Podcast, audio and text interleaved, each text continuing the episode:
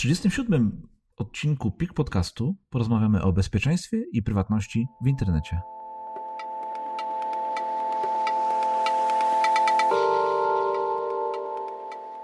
Cześć Piotrek. Cześć Grzegorz. Kategoria szkoła z naszego piktania na początek. Dobrze. Czy wolałbyś uczyć się w klasie, w której jest 5 osób, czy w takiej, w której jest ich 30? Powiem ci, że dzisiaj odpowiem 5, natomiast jeszcze kilkadziesiąt lat temu, kiedy sam chodziłem do szkoły, odpowiedziałbym, że 30. Wytłumaczysz się? Tak, bo dzisiaj zależałoby mi na tym, żeby jak najwięcej pracować z nauczycielem i doskonalić te umiejętności, których się miałbym uczyć w szkole. Natomiast kiedyś wolałbym się schować w tłumie i najlepiej przetrwać tę lekcję niepytanym. A ty? Jedna i druga klasa ma dużo zalet, no bo i pięcioosobowa klasa, e, no to są jakby myślę, że bliższe relacje tych, tych pięciu osób, tych pięciu uczniów, inna zupełnie nauka niż w przypadku takiej 30-osobowej klasy, ale i ta duża wersja myślę, że ma też całkiem sporo zalet i, i w jednej i w drugiej jest fajnie. Dlatego, kurczę, jak zawsze ciężko mi podjąć decyzję, co byłoby lepsze, co byłoby fajniejsze i hmm, chyba jednak skłaniałbym się ku tej większej klasie, ale myślę, że obydwie mają tutaj swoje plusy i minusy. W ogóle podchodzę teraz do szkoły zupełnie inaczej niż kiedyś do tego podchodziłem i wiem, że o ile jak jesteś w szkole, to wydaje ci się, jak jesteś uczniem w szkole, to wydaje ci się, że idziesz tam po to, żeby się czegoś nauczyć i, i jakby to, ta nauka, ta edukacja to jest to, to całe clue tej um, twojej wyprawy tam. Natomiast teraz widzę, że to, czego uczą cię w szkole nauczyciele, to jest raptem taki mały kawałeczek tego, czego się tak naprawdę tam musisz nauczyć. I te relacje z osobami, z innymi uczniami są równie ważne. I inaczej, innych rzeczy nauczysz się w klasie pięcioosobowej, a innych w 30. Dlatego jedna i druga sytuacja ma swoje pozytywne strony na pewno. I powiem ci, mało tego, powiem ci, że taki dzisiaj będzie mój patent Szukaj pozytywów w każdej sytuacji. O. o. Może być taki patent Bar- na dzisiaj? Tak, bardzo salomonowe podejście.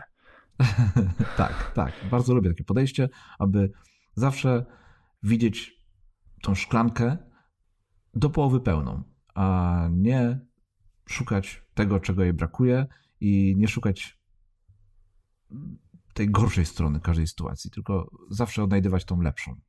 Jaki masz patent ty dzisiaj, Piotrek? A ja tak nie do końca mam patent, za to mam ciekawostkę tym razem.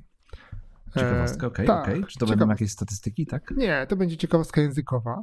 O, okay. Chciałbym ci zadać dwa pytania. E, jak myślisz, jak mogłoby być, jak mogłoby brzmieć po polsku e, słowo prokrastynować? Rozmawialiśmy już o nim w jednym z naszych odcinków, a po, okazuje się, że ma też polski odpowiednik. Prokrastynować? Tak, prokrastynować. Przeciągać, odkładać, odkładać. Jutrać. Jutrać. Tak. A to przepraszam, jakieś, jakieś poznańskie słowo, tak? Bo tak nie, trochę nie, nie, właśnie, właśnie. Ja tutaj wiesz, z Warszawy nadaję i to tak trochę nie po mojemu brzmi. Jutrać. No, no tak się zdziwiłem. To Może to imię. Jest, e, I sam się zdziwiłem, ale to nie jest poznańskie słowo. Podobno jest to słowo ogólnopolskie. E, choć odwlekanie Jutrać. wydawałoby jutra, się okay. bardziej oczywistym.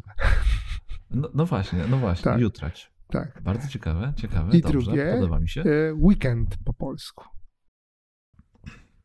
Weekend, koniec tygodnia. Dwudzionek.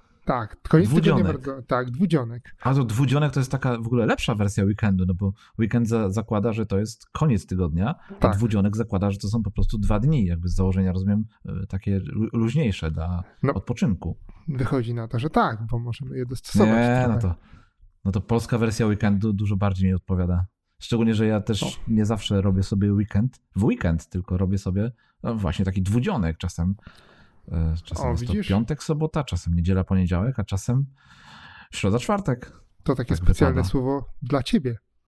Mhm. Bardzo mi się podoba. Jutreć i dwudzionek. To ciekawe. Dobrze. Czy, czy, yy... Skąd w ogóle się o tym dowiedziałeś, o tych słowach? Gdzie, gdzie je znalazłeś? O, powiem ci, że nie znalazłem ich, ale właśnie ktoś mi powiedział. Koleżanka mnie podała. Ja sobie pogrzebałem w internecie i rzeczywiście takie dwa słówka gdzieś tam funkcjonują na marginesie języka polskiego. Super. Drodzy słuchacze, jeżeli znacie inne podobne, ciekawe określenia, których, które nie są tak może powszechnie stosowane, których tak się powszechnie nie używa, a jednak funkcjonują w naszym języku, no to podrzućcie nam, może, może użyjemy ich jako kolejne patenty w następnych odcinkach. Zwłaszcza gdy odnoszą się do produktywności szeroko pojętej. Zwłaszcza jeżeli odnosi się do produktywności, dokładnie. Piotrek, bezpieczeństwo, prywatność. Co ty na to? Jak się czujesz z takim tematem w ogóle? A staram się być bezpie bezpieczny i, i dbać o swoją I prywatność. Prywatny. No. I prywatny, okay. tak. tak. Tak, tak, okay. tak. Dobrze, podzieliliśmy się na, mm, podzieliliśmy się takimi dziesięcioma radami, po pięć rad, tak? Każdy z nas ma dla naszych słuchaczy odnośnie bezpieczeństwa, bo przecież jesteśmy tutaj takimi guru, jeżeli chodzi o bezpieczeństwo w internecie, tak? Nie. nie, nie, oczywiście, że nie, ale, ale mamy takie swoje nasze podstawowe zasady, ponieważ dużo działamy w internecie, więc mamy takie nasze zasady, którymi się kierujemy i które chcielibyśmy Wam, drodzy słuchacze, też przekazać, bo jest to, myślę, bardzo ważny temat i warto na ten temat rozmawiać. Także Piotrek, mamy, nasze, mamy, nasze, mamy po pięć rad dla naszych słuchaczy. Nie przeciągając, zacznij od pierwszej. Tak, no pierwsza taka wydawałaby się bardzo oczywista, o której mam wrażenie trąbi się od bardzo dawna, a jednak nadal znajdują się osoby, które wpadają w tą pułapkę, czyli nie otwieraj maili od podejrzanych nadawców. I tutaj jeszcze takie małe może dopowiedzenie.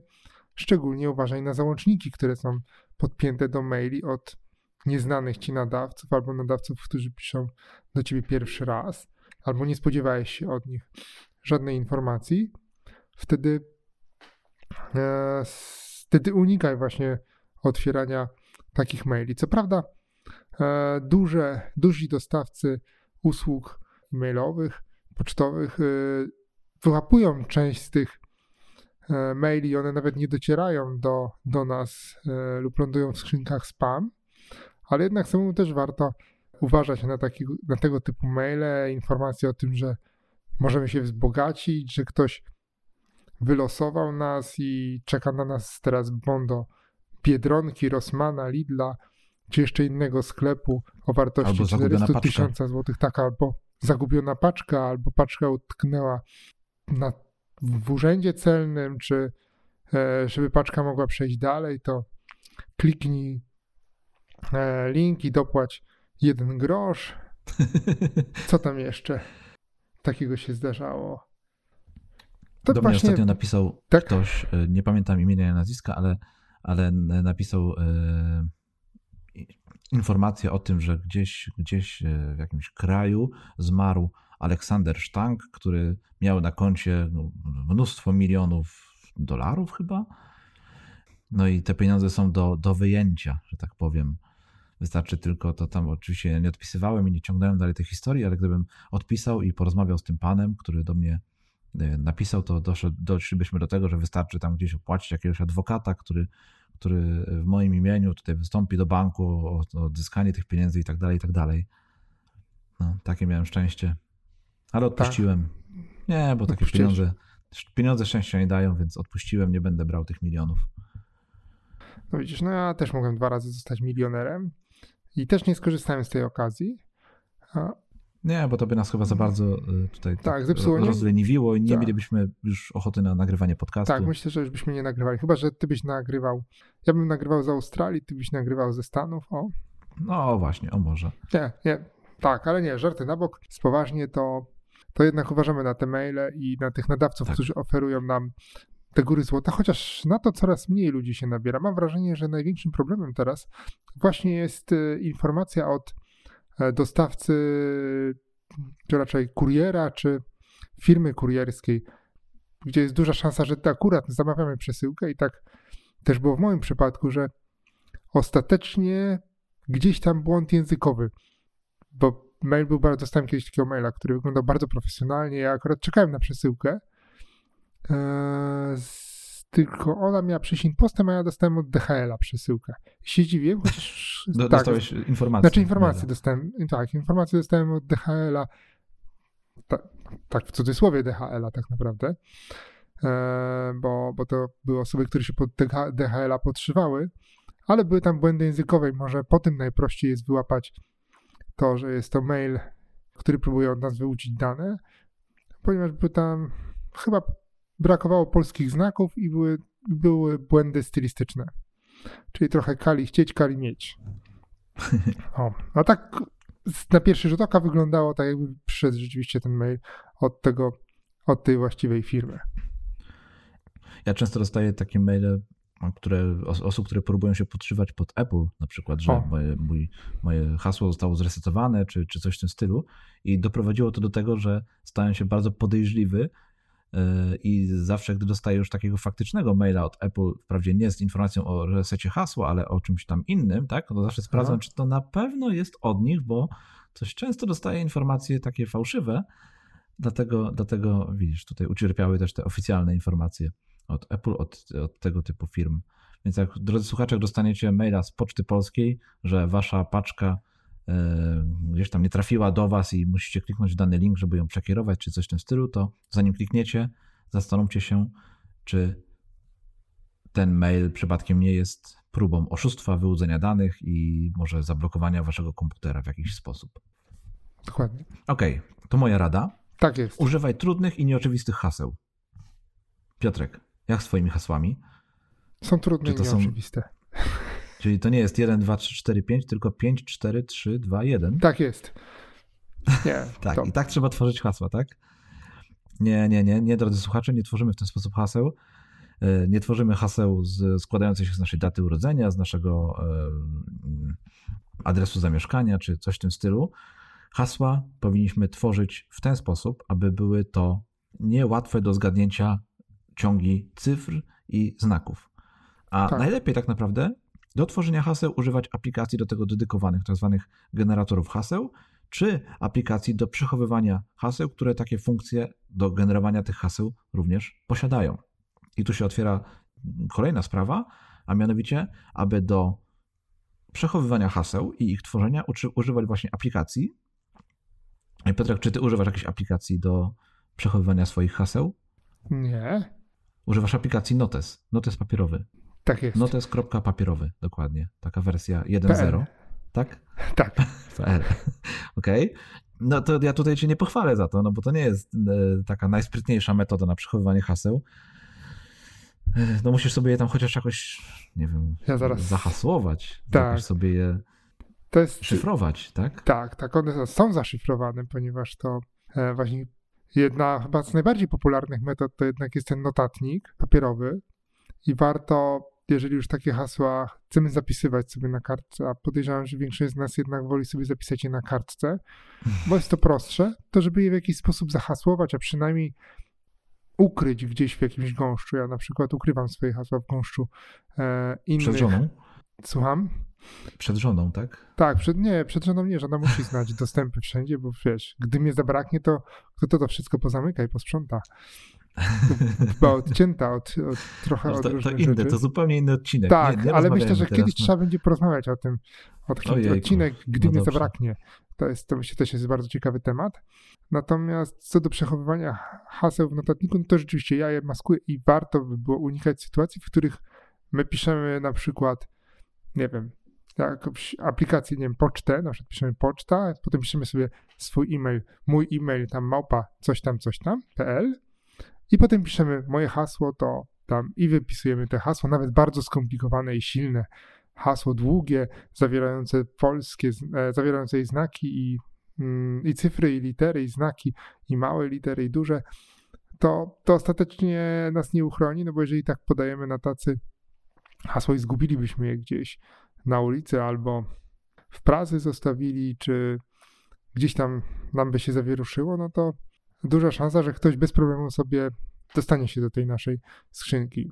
Już lepiej troszeczkę oderwać te hasło od, od y, tego miejsca, do którego mamy się dzięki niemu dostać i ukryć je trochę wśród innych, e, niesugerujących jakichś tam znaków. Jeszcze jest druga opcja. Niektórzy lubią trzymać hasła w notatniku elektronicznym. I tu jednak. No, to już się... jest trochę lepsze, ponieważ. A ja bym się bał. elektroniczny. Bałbyś się? To znaczy, tak. to, bo to, tu jest taka jedna gwiazdka w notatniku elektronicznym, czyli w jakimś e, programie Notatniku, do przechowywania Wordzie notatek. No właśnie, w Wordzie, Word. Hmm, Word ma taką funkcję, aby zabezpieczyć dany plik, dany dokument hasłem. Więc jeżeli już ktoś przechowuje hasła w takim notatniku elektronicznym, czyli na przykład w dokumencie Worda, tak jak powiedziałeś, no to taki dokument powinien być też oznaczony, e, zabezpieczony hasłem, żeby nie można się było do niego dostać bez podania tego hasła. Dokładnie. I to ma sens. Jeszcze jakiś, no, wydaje mi się, trochę większy niż e, trzymanie tego w notatniku papierowym w wersji niezaszyfrowanej. Więc tak. jeżeli już przechowujemy to w jakiejś wersji elektronicznej, w jakimś notatniku, no to powinno to być również zabezpieczone hasłem, bo też często programy do przechowywania notatek elektronicznych typu Evernote, typu OneNote i e, czy to notatki Apple, czy Google Keep i tak dalej, i tak dalej. Niektóre z tych serwisów, z tych e, usług mają możliwość założenia dodatkowej ochrony hasłem dla jednej notatki. Więc jeżeli już przechowujemy mhm. hasła w takim notatniku elektronicznym, no to zabezpieczmy taką notatkę dodatkowym hasłem, silnym hasłem. I ja jednak tutaj wrócę do tego, o czym powiedziałem na początku, czyli wybierajmy lepiej aplikacje dedykowane temu, żeby takie hasła przechowywać. Te aplikacje często są płatne, w odróżnieniu od y, na przykład Worda, jeżeli korzystamy z niego już i tak w pracy, czy, czy to w domu i za niego płacimy, no to często kusi nas, żeby już właśnie wykorzystać Worda do również do przechowywania, przechowywania haseł, haseł naszych.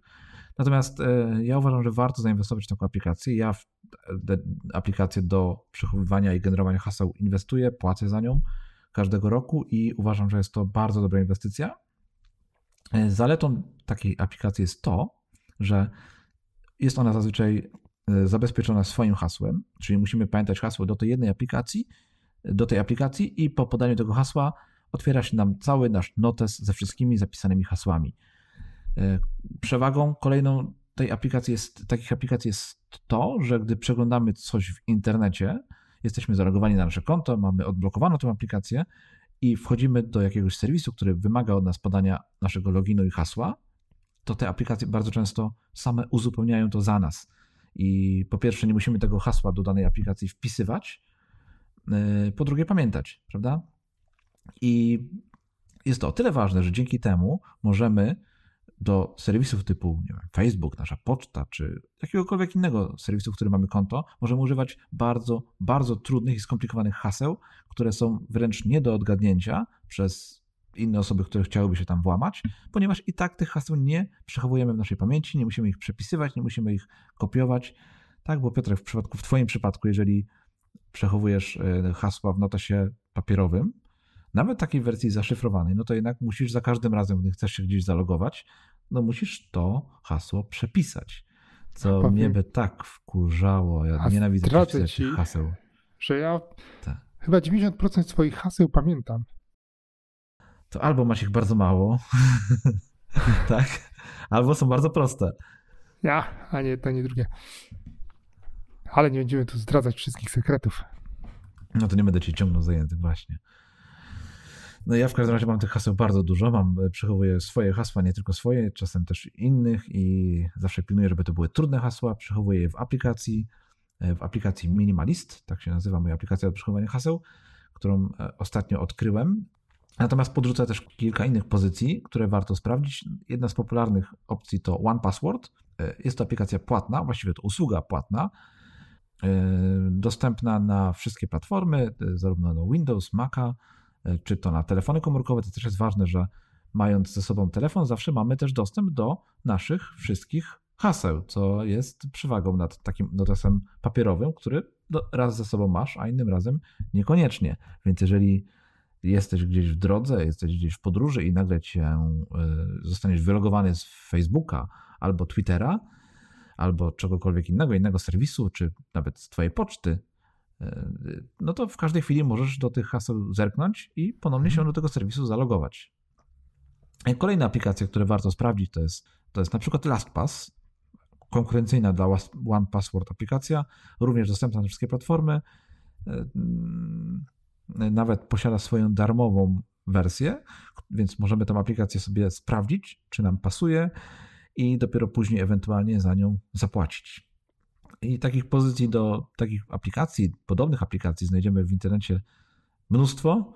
jest na przykład NPass, Remember, Dashlane, Keeper, jest ich naprawdę mnóstwo. Piotrek, czy masz doświadczenie z którymiś z tych aplikacji, czy, czy już w ogóle e, ani nie testowałeś, ani nie sprawdzałeś, od razu no to jest papierowy i koniec? No, ja jednak zostałem w świecie papierowym i nie testowałem. nie testowałeś? E, tak, nie, nie testowałem, to przyznaję się. No dobrze, no dobrze, no to, no to idźmy dalej, ale Piotrek, uważaj te swoje hasła. Po, pomyślę, tak. Okej. Okay. O czym jeszcze warto myśleć, Piotrek? Czy myślałeś o weryfikacji, czy korzystasz, może nawet nie tyle myślałeś, czy korzystasz, korzystasz z weryfikacji dwuetapowej? Weryfikacja dwuetapowa, ach tak, to też dosyć ważny, istotny temat. E, I to jest kolejne zabezpieczenie, właśnie, bo jeżeli już nawet używasz takiego hasła zapisanego w notesie papierowym, no to jako dodatkowe zabezpieczenie Twoich kont, czy to do poczty, czy to, czy to do serwisów społecznościowych, możesz użyć tak zwanej weryfikacji dwuetapowej, czyli jeżeli chcesz zalogować się na, na swoje konto, podajesz swoje dane do logowania, swój adres e-mail i na przykład hasło, ale aby dokończyć logowanie, e, musisz wtedy też podać jeszcze jedno hasło, które zostanie wysłane do ciebie w jakiejś osobnej wiadomości, czy to na telefon komórkowy, czy to e, na pocztę e-mail, czy to na przykład zostanie wygenerowane w dedykowanej aplikacji do, takiej, do takiego e, logowania dwuetapowego. Więc jest to dodatkowe zabezpieczenie, które nie pozwala osobom, które chciałyby się włamać na Twoje konto, no, w łatwy sposób to zrobić. Bardzo często słyszy się o tym, że ktoś na przykład przejął czyjeś konto na Instagramie. To nie wiem, jakoś tak. Ja, ja pamiętam, że, że, że wiele razy słyszałem o czymś takim, że ktoś stracił konto na Instagramie, no bo osoba włamująca się w jakiś sposób odgadła login, y, czyli adres e-mail zazwyczaj i hasło, no bo na przykład zostało, zostało wyciekły takie dane z jakiegoś innego serwisu. I jeżeli takie dane wyciekną, albo ktoś po prostu odgadnie, pozna w jakiś sposób nasze, nasze, nasze login hasło, no to przy zastosowaniu takiego logowania dwuetapowego nadal nie będzie w stanie zalogować się na nasze konto, ponieważ będzie musiał mieć dostęp do na przykład naszego telefonu komórkowego, gdzie będziemy musieli dodatkowo potwierdzić takie, y, takie zalogowanie, próbę takiego zalogowania.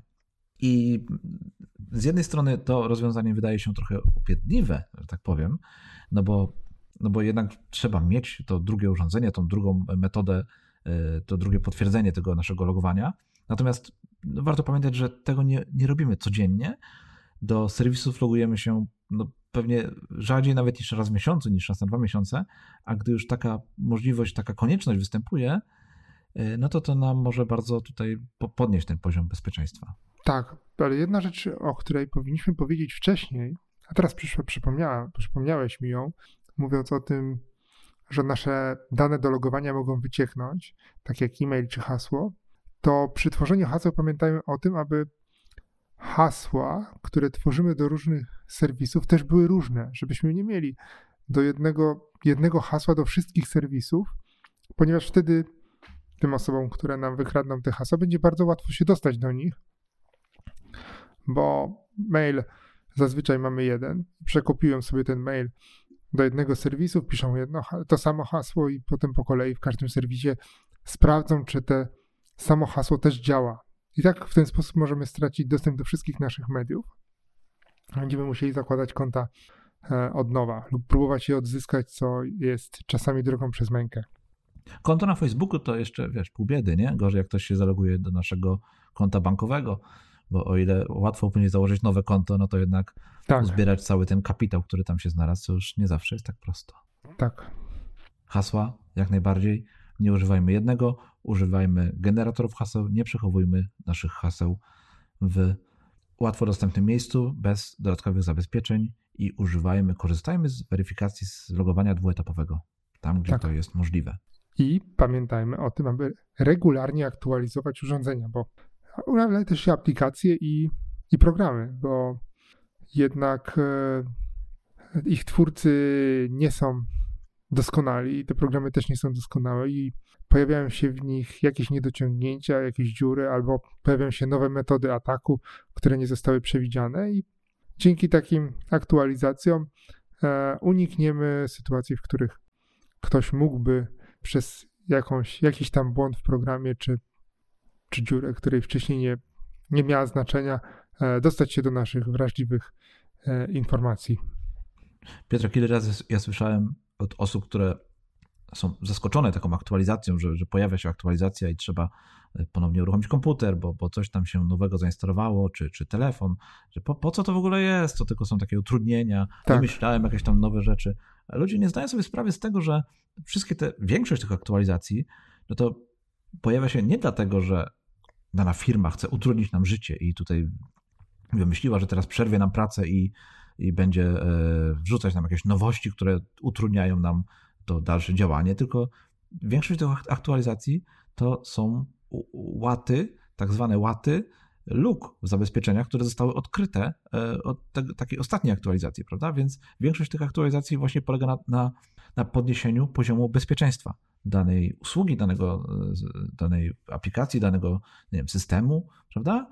Więc tak. warto, takich aktualizacji, warto takie aktualizacje instalować, no ponieważ no, to jest najlepsza metoda uniknięcia jakiegoś e, zagrożenia, które na nas może czyhać, no, ze względu na luki w oprogramowaniu. Warto pamiętać, że wszystkie te programy piszą ludzie i oni popełniają błędy, a są też inni, którzy non-stop siedzą i takich luk w oprogramowaniu szukają, a później je wykorzystują po to, żeby w ten czy w inny sposób wyciągnąć od nas pieniądze.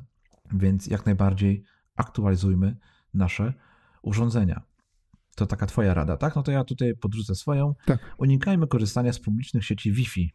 To myślę, że bardzo łatwo podłączyć się teraz do Wi-Fi jakiegoś e, publicznego, no bo wszędzie teraz, gdzie nie wejdziemy, czy to do jakiejś restauracji, kawiarni, centrum handlowego, y, czy nawet na stację, możemy bardzo łatwo podłączyć się do dostępnej tam sieci, tak żeby sobie skorzystać z internetu, a ja jednak będę z internetu tam dostępnego, prawda, w tej sieci. Tak. Natomiast ja jednak będę tutaj zwolennikiem tego, żeby z takich sieci, tam gdzie możemy, e, nie korzystajmy, no bo jest to też potencjalne zagrożenie. Podłączając się nasze urządzenie do sieci Wi-Fi, no dajemy trochę dostęp do tego naszego urządzenia. Gdy już musimy się zalogować do e, takiej publicznej sieci Wi-Fi, używa, używajmy w naszym urządzeniu e, zapory sieciowej firewall, która jest takim w pewnym stopniu mostem, mostem, właściwie tamą, która nie pozwala przeniknąć do naszego urządzenia, to tak naj, naj, najogólniej rzecz biorąc ten temat opisując. I no jest, to, jest to taka rzecz, którą się konfiguruje w naszym urządzeniu, to najczęściej będzie na komputerze, oraz druga rzecz, która może nam tutaj pomóc, używajmy, korzystajmy z sieci VPN, czyli Virtual Private Network, czyli tak zwanej takiej sieci prywatnej, która no w pewnym stopniu zabezpiecza naszą, naszą obecność w internecie i wszystko, co robimy, w ten sposób, że jakby my łączymy się z inną siecią przez e, internet, który mamy aktualnie dostępny, łączymy się z inną siecią i występujemy w internecie nie jako nasze urządzenie, tylko jako urządzenie z tamtej sieci, do której się podłączamy. Więc to jest też takie dodatkowe zabezpieczenie w przypadku podłączania się do sieci publicznych i warto również z tego korzystać. Dokładnie. Ja mam taką upierdliwą teraz radę, e, która się wielu osobom może nie spodobać, a ona brzmi: nie zapominaj o wylogowywaniu się z serwisów. Zwłaszcza... O nie, Piotrek, dopiero mówiliśmy o weryfikacji dwuetapowej, no to tutaj by było to bardzo upierdliwe. Dlaczego ty taką, taką radę tutaj podrzucasz naszym To, to może nie jest rada dotycząca wszystkich miejsc, w których my korzystamy e, z komputera czy z internetu, no bo jeżeli mamy komórkę zablokowaną jakimś hasłem, pinem, e, wzorem czy odciskiem, no to może trudno było wylogować się z każdej z tych aplikacji, zwłaszcza jak mamy sporo, ale jeżeli korzystamy z komputera, do którego dostęp ma kilka osób, o, to jest to, ważne, tak. To już wtedy takie wylogowanie się z serwisu jest jak najbardziej wskazane.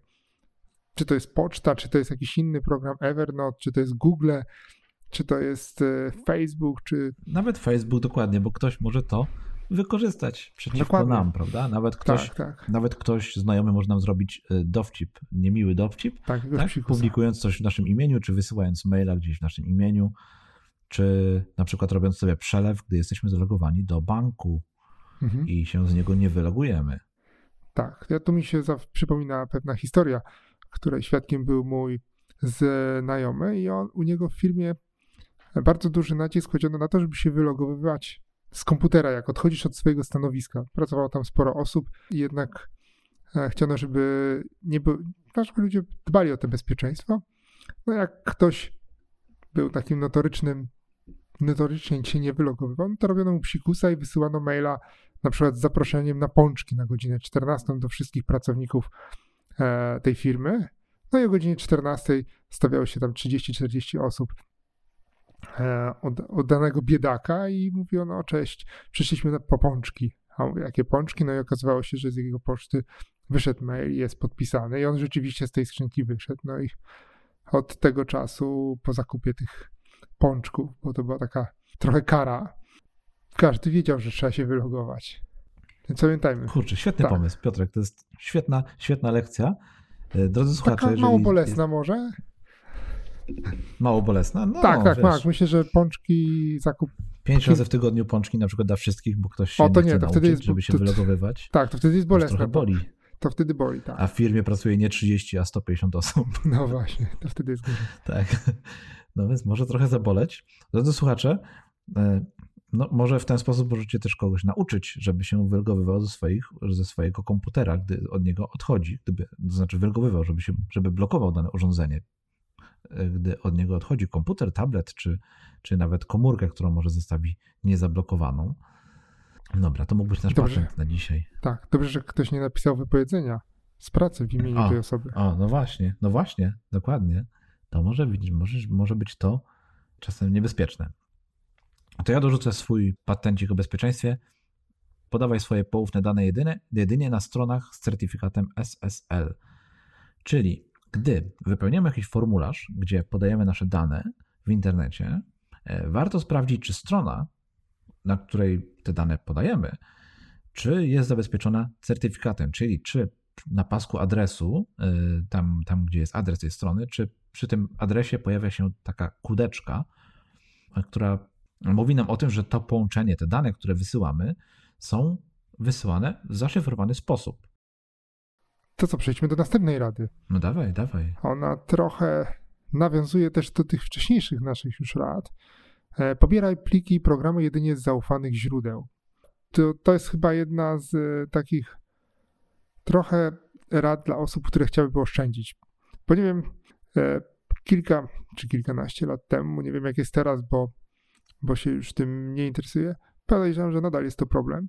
Bardzo chętnie szukamy jakichś rzeczy w serwisach, które, w których nie musimy płacić, na przykład za programy, na przykład aplikacje do jakieś programy graficzne, czy edytory, czy nawet osoby, są ludzie, którzy szukają e, całego pakietu Office za darmo i potem trafiamy na strony, e, które oferują nam taki pakiet na oferują przykład, jakiś program. Oferują, tak, za darmo nam oferują i my możemy, tacy jesteśmy szczęśliwi, żeśmy oszczędzili. Przyjdź tutaj. do nas, damy ci za darmo program, który normalnie kosztuje pieniądze. Tak, 10 tysięcy, 5 tysięcy, 3 tysiące, 2, 2 tysiące.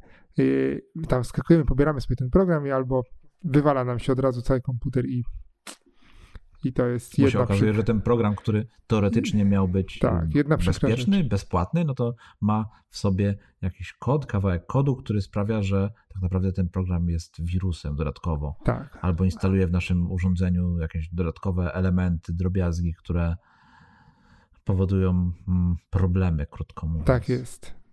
I to jest. O, o wiem, mam pomysł. Najlepsze tak. by było, gdybyśmy e, taki po, pobrali sobie za darmo program, z jakiegoś nielegalnego źródła, nielegalnego czy niepewnego źródła. Nie, a antywirusowy to jedno, okej, okay, dobre, ale program do przechowywania naszych haseł. Tak, z nielegalnego o, to źródła. widzisz, to by było, tak, tak. tak. tak. I zaoszczędziliśmy te tam 50 czy 100 zł rocznie i mamy za darmo program, który podnosi nasze bezpieczeństwo. No ja powiem ci, ja bym się bał. Tak, ja też bym się bał. Eee, na... Szczególnie, że w takim programie do przechowywania haseł możemy też sobie przechowywać na przykład nasze dane do kart kredytowych, kart y, debetowych, kart bankomatowych, prawda? Tak. I dzięki temu nie musimy tych y, numerów później pamiętać, więc w takim programie, który został pobrany z niepewnego źródła, podawać nawet takie dane, no to już by, ja bym, ja bym chyba nie ryzykował. To, to jak już, jeżeli nas nie stać na jakiś program, to ja bym jednak proponował znaleźć darmowy zamiennik, są takie zamienniki oferowane. Ale e, oficjalny, darmowy. Ale oficjalny, oficjalny darmowy, darmowy, tak. Prawda? Mają swoje strony, od lat prowadzone i, e, i jeżeli nie stać nas na pakiet Office, no to możemy sobie pobrać inne darmowe rozwiązanie. Jeżeli nie stać nas na przykład na program graficzny, no to są darmowe programy graficzne, które też sobie doskonale e, poradzą z tym, co mamy do zrobienia. Może troszeczkę będziemy musieli się bardziej napracować, ale bezpieczniej, bezpieczniej będzie chyba jednak tą drogą podążyć. Myślę, nie, no nawet nie chyba, tylko na pewno bezpiecznie będzie tą drogą podążyć i unikać miejsc, w których możemy pobrać darmowe wersje oficjalnych programów, bo, bo jednak producenci nie oferują darmowych wersji, chyba że są to wersje próbne, ale też wtedy pobieramy je z oficjalnych serwisów. No to ja tutaj dorzucę jeszcze do tego, żeby korzystać z tych oficjalnych sklepów, które mamy zainstalowane w naszych urządzeniach, bo czy to jest o. komputer y, z Windowsem, czy jest to Mac, gdzie i w jednym i drugim przypadku mamy po prostu sklepy z aplikacjami, gdzie te aplikacje przechodzą jakiś filtr, są sprawdzane w lepszym czy mniejszym stopniu, ale są jednak sprawdzane i, najlepiej korzystać właśnie z tych sklepów, ponieważ no, mamy największą pewność, że mm, aplikacje właśnie z nich są, są ok, są dobre, są, e, nie zrobią naszym urządzeniom krzywdy. Tak samo przecież mamy sklepy z aplikacjami w naszych telefonach, prawda? Tak. I możemy pobrać często aplikacje w ten czy w inny sposób poza tymi sklepami, poza tym sklepem, no i one mogą być dla nas niebezpieczne, dlatego warto z tych sklepów oficjalnych korzystać. I Microsoft, i Apple, i, i Google, yy, i nawet Amazon tak ma swój sklep z aplikacjami na, na telefony. Po to one są też, żeby tutaj podnieść nasz poziom bezpieczeństwa. No dobra, ale może się zdarzyć, że jednak będziemy robić wszystko, co, co trzeba, czyli będziemy używać silnych haseł, aplikacji do zarządzania hasłami, będziemy, nie będziemy logować się do e, publicznych sieci Wi-Fi, będziemy używać tam nie wiem, weryfikacji dwuetapowej i tak dalej, i tak dalej, robić wszystko, co trzeba, a i tak coś się takiego wydarzy, że utracimy nasze dane, czy, czy stracimy cenne dla nas rzeczy, dlatego warto, myślę, też robić kopię bezpieczeństwa. Tak, Piotrek, jest... czy robisz kopię bezpieczeństwa swojego notesu papierowego? No, no przepraszam. A, musiałem, musiałem. Tak, musiałeś to powiedzieć. E, tak. tak. Nie, no oczywiście notes papierowy to jest taki minus, że chyba nie, nikt nie robi kopii bezpieczeństwa takiego, o, chyba, właśnie, że ktoś może też... przepisuje, może ktoś wiesz, tak. robi w dwóch od razu notesa. Tak, tak. No na ksero lepiej nie chodzić i, i robić ksera haseł. Nie, nie, polecam.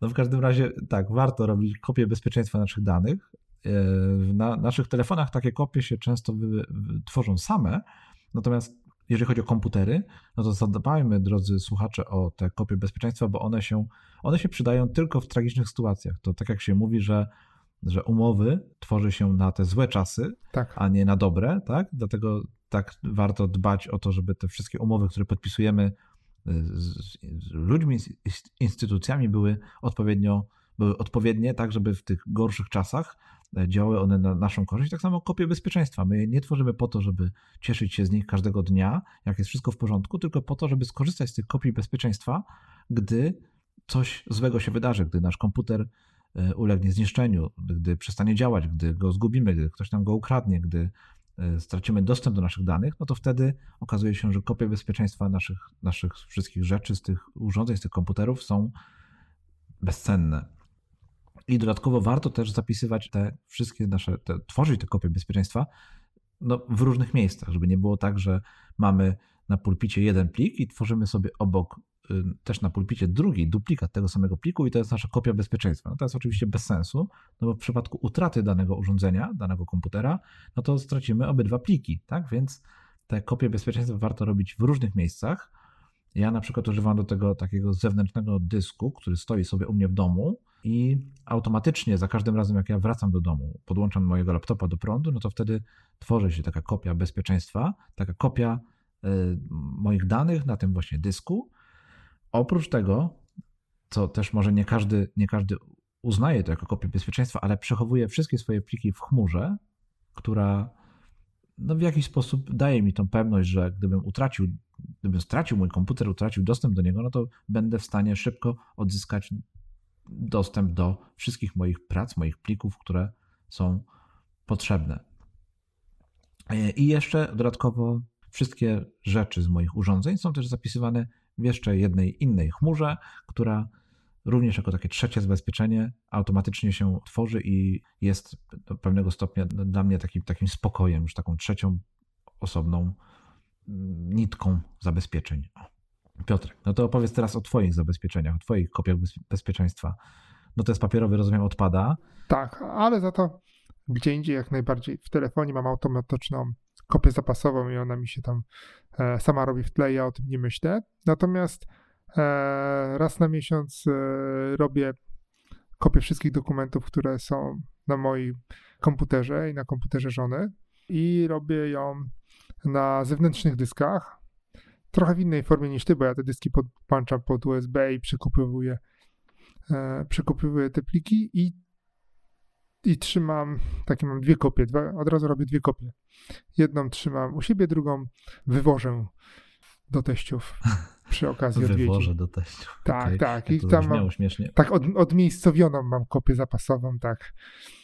Więc są różne rozwiązania. Myślę, że warto tutaj właśnie zawsze tą kopię zrobić. Nie musicie wywozić od razu do teściów.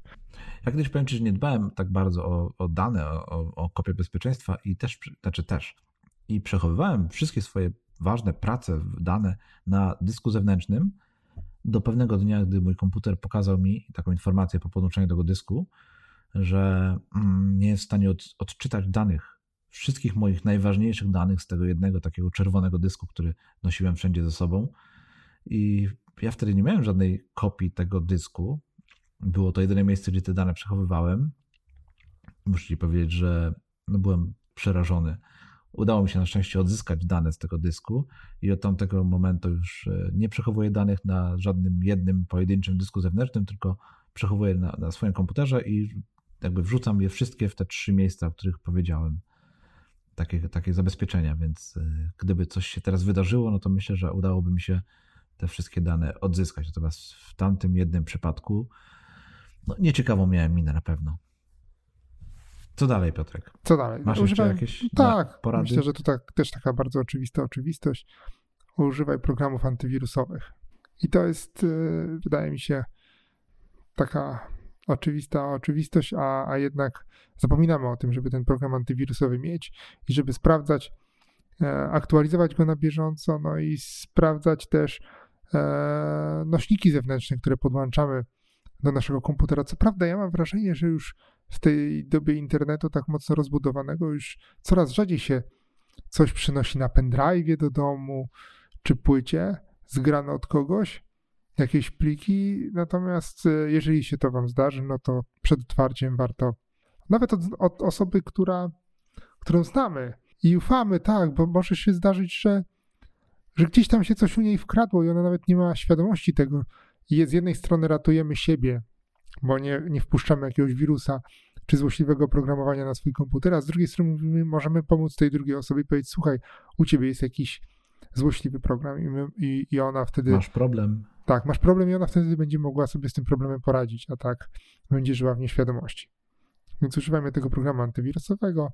Bo on na pewno podnosi nasz poziom bezpieczeństwa i to jest tak jak z tymi kopiami bezpieczeństwa, on może tak na co dzień nas nie będzie cieszył i, i radował, że go używamy, tak. ale w tym jednym przypadku, gdy y, wykryje jakąś próbę, no bo to też warto powiedzieć, że program antywirusowy nie zabezpiecza tylko przed wirusami, ale również na różne inne sposoby.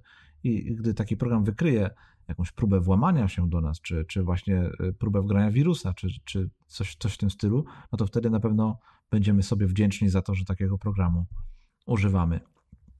To jeszcze na koniec może powiem tylko, e, uważaj na phishing, czyli podszywanie się pod osoby czy instytucje.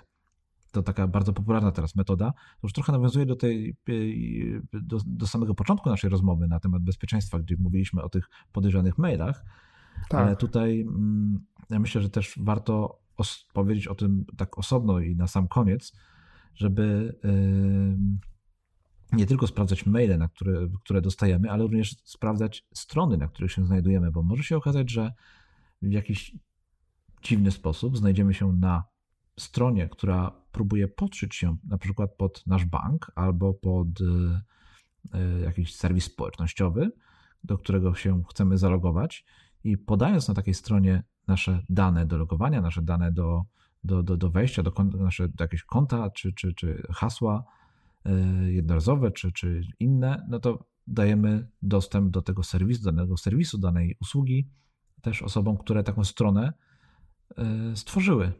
Więc jak już podajemy nasze dane do logowania i myślimy, że jesteśmy, na stronie banku, to sprawdźmy, czy to jest na pewno ta strona banku, którego, y, na którą chcemy wejść, na którą chcieliśmy wejść i no, czy adres tej strony jest na pewno właściwy, czy to nie jest jakaś próba podszycia się i wyłudzenia naszych danych. To taka jeszcze uwaga na sam koniec, jeżeli chodzi o ten dział, nasz dział bezpieczeństwa. Piotrek, to, to co, to jesteśmy tutaj guru, jeżeli chodzi o bezpieczeństwo, czy nie? No, Pytałem nie wiem, czy guru, ale staramy się być zapobiegliwi. Tak, jesteśmy takimi zwykłymi użytkownikami i, i to są takie drobne, e, drodzy słuchacze, są takie drobne porady od nas, jak być normalnym, w sensie nie wariować na punkcie bezpieczeństwa, ale jakby pozostać dalej bezpiecznym w internecie. Tak. To co, przechodzimy do prywatności? Tak jest, prywatność. No to jest coś zupełnie innego. Ja wiem, że zmieszając tutaj dwa takie yy, różne trochę tematy, znaczy pokrewne, ale jednak różne, no bo to bezpieczeństwo, o którym y, powiedzieliśmy sobie, te nasze porady, no to taka będzie była bardzo ustrukturyzowana taka część. Natomiast teraz chciałbym z Tobą przegadać taką naszą codzienność w internecie. Wiesz, wpadł mi ten temat w ogóle do głowy po Twojej serii artykułów na temat sprzątania. No bo jednak publikując całą taką serię i przekazując tego typu treści, no trochę odsłaniasz e, siebie i trochę swój dom, prawda? Opowiadając o tym, jak sprzątać kolejne fragmenty swojego domu. Chciałbym Cię zapytać, jak się czujesz przekazując, ujawniając tego typu informacje? Więc akurat tutaj tak podszedłem do tego tak chyba trochę bezemocjonalnie, bo, bo jednak tam też wkradają się pomieszczenia, których nie mam, na przykład garaż e, tego mhm. pomieszczenia u mnie nie ma, ale rzeczywiście no, no jest to jakiś tam ułamek e, prywatności, chociaż wydaje mi się, że takiej prywatności, którą jestem gotów się dzielić, w sensie, bo bardziej skupiałem się na tym, co, co ja robię, a nie tak jak ty tu mówisz o, o tych pomieszczeniach. E, natomiast skupiłem się na tym, co, co ja mam do zrobienia po kolei, tej czynności. To ja myślę bardziej w kontekście u mnie ujawnienia prywatności, no to jest to prywatność odnosząca się do narzędzi, z których ja korzystam, rozwiązań, jakie wykorzystuję, czy umiejętności, które, które gdzieś tam, e, którymi się posługuje, natomiast e, chyba pomijając no właśnie tą sytuację, czy jakieś tam e, sytuacje bardziej no, kilka innych sytuacji, no to staram się unikać e, gdzieś dzielenia tą taką sferą prywatną, rodzinną w internecie. No ale jednak opowiadasz w internecie o tym, jak osiągać cele, no to trochę tak, na swoim przykładzie tak. też, prawda? Mhm. I też masz bardzo różne wpisy. Co dwa tygodnie piszesz newsletter, którego mocno ci zazdroszczę, tej dyscypliny, tej rutyny. Ale i ty się dzielisz, Grzegorz. No. E, gdzieś tam tą prywatnością, zwłaszcza ja lubię czytać od ciebie też maile, jak już piszesz. Może trochę mniej regularnie, ale jednak te maile są takie bardzo, bardzo ciekawe, emocjonalne, bardzo tak, emocjonalne, tak, tak, właśnie już, emocjami się dzielisz. Jak już, tak. jak ja już coś napiszę, to, to już faktycznie jak coś mnie tak mocno strzeli albo dotknie. Tak, tak, to ty dzielisz się I... z nowymi emocjami. Nie boisz się tego? Wiesz co, no to trochę, trochę, się, trochę, bo trochę się boję, no nie powiem, że to jest takie bardzo proste. No jest to trudne, no bo czasami piszę o rzeczach, których, o których nie powiedziałbym pewnie tak w takiej normalnej rozmowie komuś, z kim bym akurat rozmawiał, a tutaj udostępniam te wszystkie informacje, takie swoje myśli, no zupełnie publicznie, e, podrzucając je każdemu, kto chce je przeczytać. Więc no jest to na pewno trudne. No ale myślę, że każdy z nas gdy posiada jakieś konto na Facebooku, na Instagramie i coś tam publikuje, coś wrzuca, no to udostępnia taką cząstkę siebie i, tak. i trochę i trochę każdy z nas taką swoją, taki nasz kawałek naszego życia udostępnia. Jedni może bliskim znajomym, inni jakiejś szerszej grupie osób. No przede wszystkim jak piszę już do kogoś, jak piszę newsletter, jak piszę coś na bloga, jakiś wpis, czy, czy publikuję coś w mediach społecznościowych, no to piszę o rzeczach, o których, którymi chcę się podzielić z ludźmi. Więc to nie jest tak, że coś mnie boli i ja chcę o tym opowiedzieć, tylko to jest zazwyczaj coś, co ja mam do powiedzenia komuś, czy, czy, czy w ogóle chcę powiedzieć i chcę się tym podzielić, więc oj, tak łatwałem ten temat, ale nie, nie wiem, czy rozumiesz, o co mi chodzi. Tak, mhm. że to jest intencjonalne. Tak, tak myślę o, o tej prywatności w mediach społecznościowych, e, bo jednak to jest chyba gro, czy, czy tam 80-90% miejsc, w których dzielimy się swoją prywatnością. Niektórzy bardzo, bardzo mocno dzielą się tą prywatnością. Jednak tutaj, wracając jeszcze do tej formy, którą mieliśmy przy bezpieczeństwie, ja jednak bym myślał o tym, żeby ograniczyć krąg osób, do których ta informacja dociera, jeżeli gdzie chwalimy się chociażby osiągnięciami dzieci, e, tym, co mamy w domu czy przed domem, bo e, niektórzy lubią pochwalić się nowym samochodem, pochwalić się nowym telewizorem, pochwalić się jeszcze czymś tam nową lodówką, czy, czy zestawem mebli. To ja, to ja na tle mojego nowego telewizora, na przykład takie zdjęcia, to jednak ja bym ograniczył dostęp osób do tych, które są naszymi znajomymi, jeżeli już chcemy się chwalić.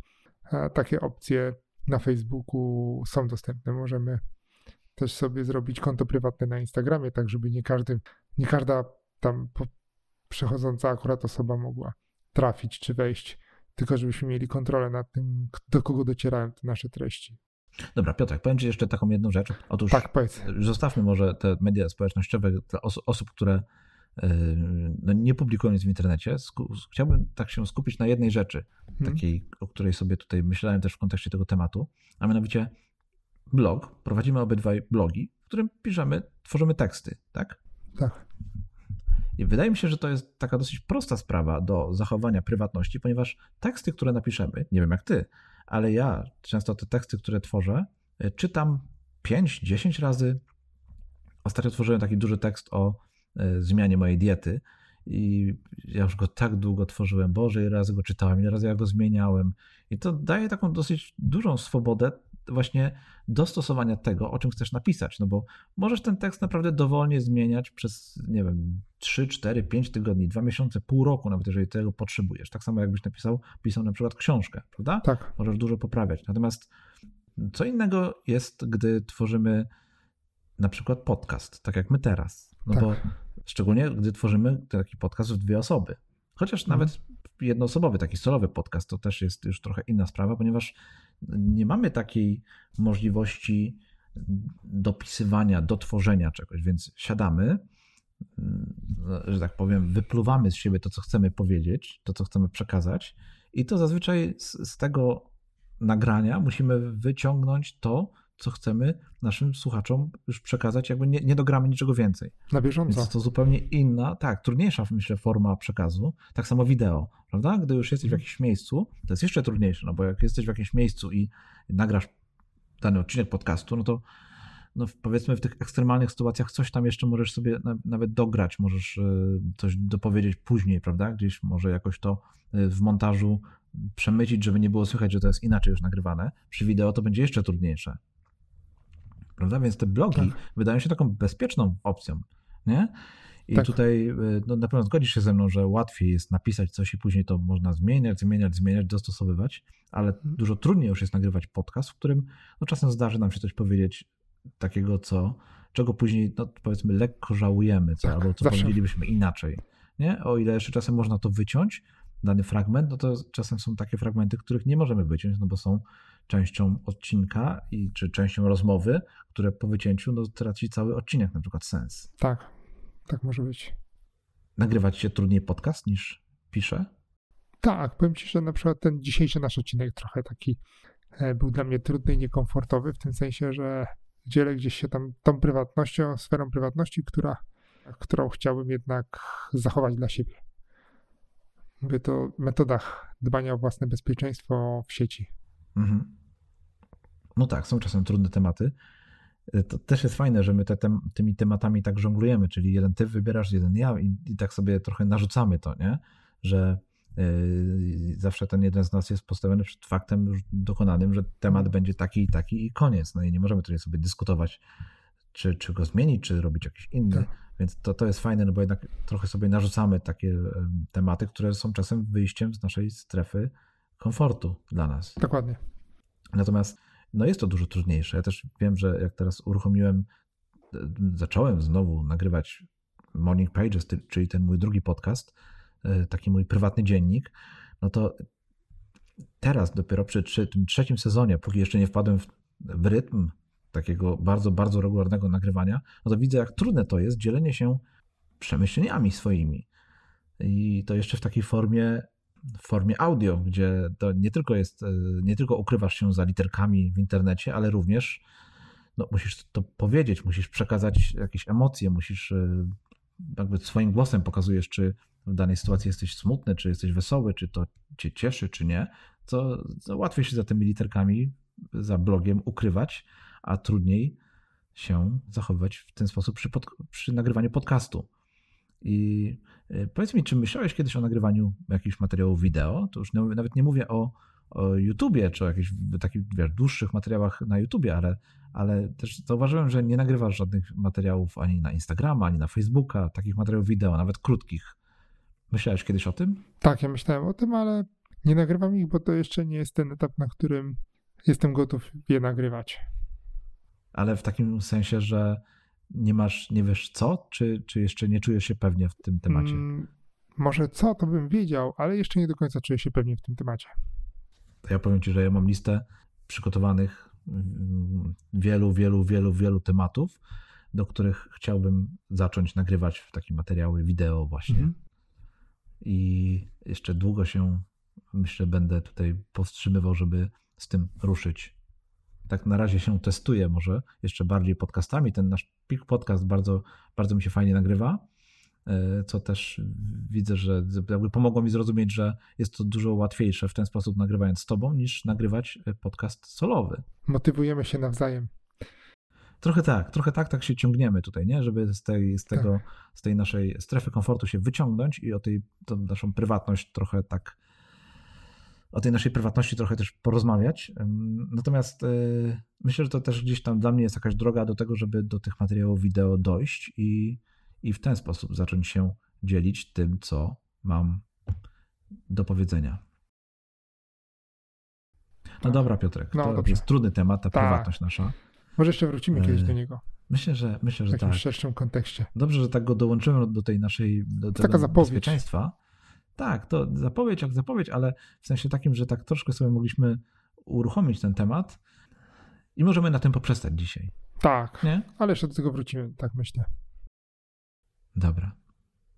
Okej, okay, Piotr, to dawaj w takim razie temat kolejnego odcinka, bo już się nie mogę doczekać. Nie możesz się doczekać. W kolejnym odcinku będzie nas nie dwóch, a będzie nas trzech. I porozmawiamy. Znowu? Znowu? Tak, to znowu, już ten czas, tak. okej. Okay. To jest ten czas. No dobrze, bo już się zbliża się już e, koniec kolejnej naszej dziesiątki. Już myślałem, że tak. nie zaprosisz żadnego gościa. Tak, widzisz, a Dobra, jednak jest nie gość będzie? i w kolejnym odcinku porozmawiamy o produktywnych finansach z Łukaszem Grygielem. A proszę, produktywnych finansach. Tak. Okej, okay. ciekawe. Bardzo ciekawe. No dobrze, dobrze, okej, okay. przyjmuję ten temat, bierzemy go. Bierzemy Łukasza, bierzemy ten temat, zobaczymy, co nam z tego wyjdzie. Myślę, że coś dobrego. No, na pewno.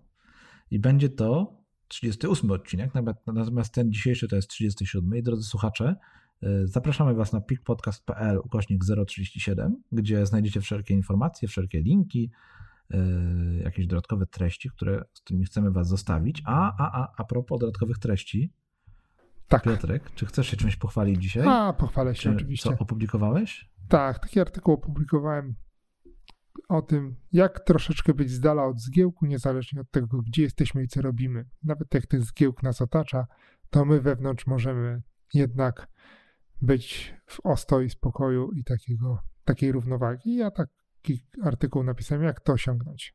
A ty byś się czymś chciał pochwalić? To mój adres, który dzisiaj chciałbym podrzucić nas, naszym słuchaczom, to jest fajne.live ukośnik newsletter. Jest to miejsce, gdzie, drodzy słuchacze, możemy się, możecie się zapisać aby otrzymywać mój newsletter, o którym już dzisiaj wspomniałem.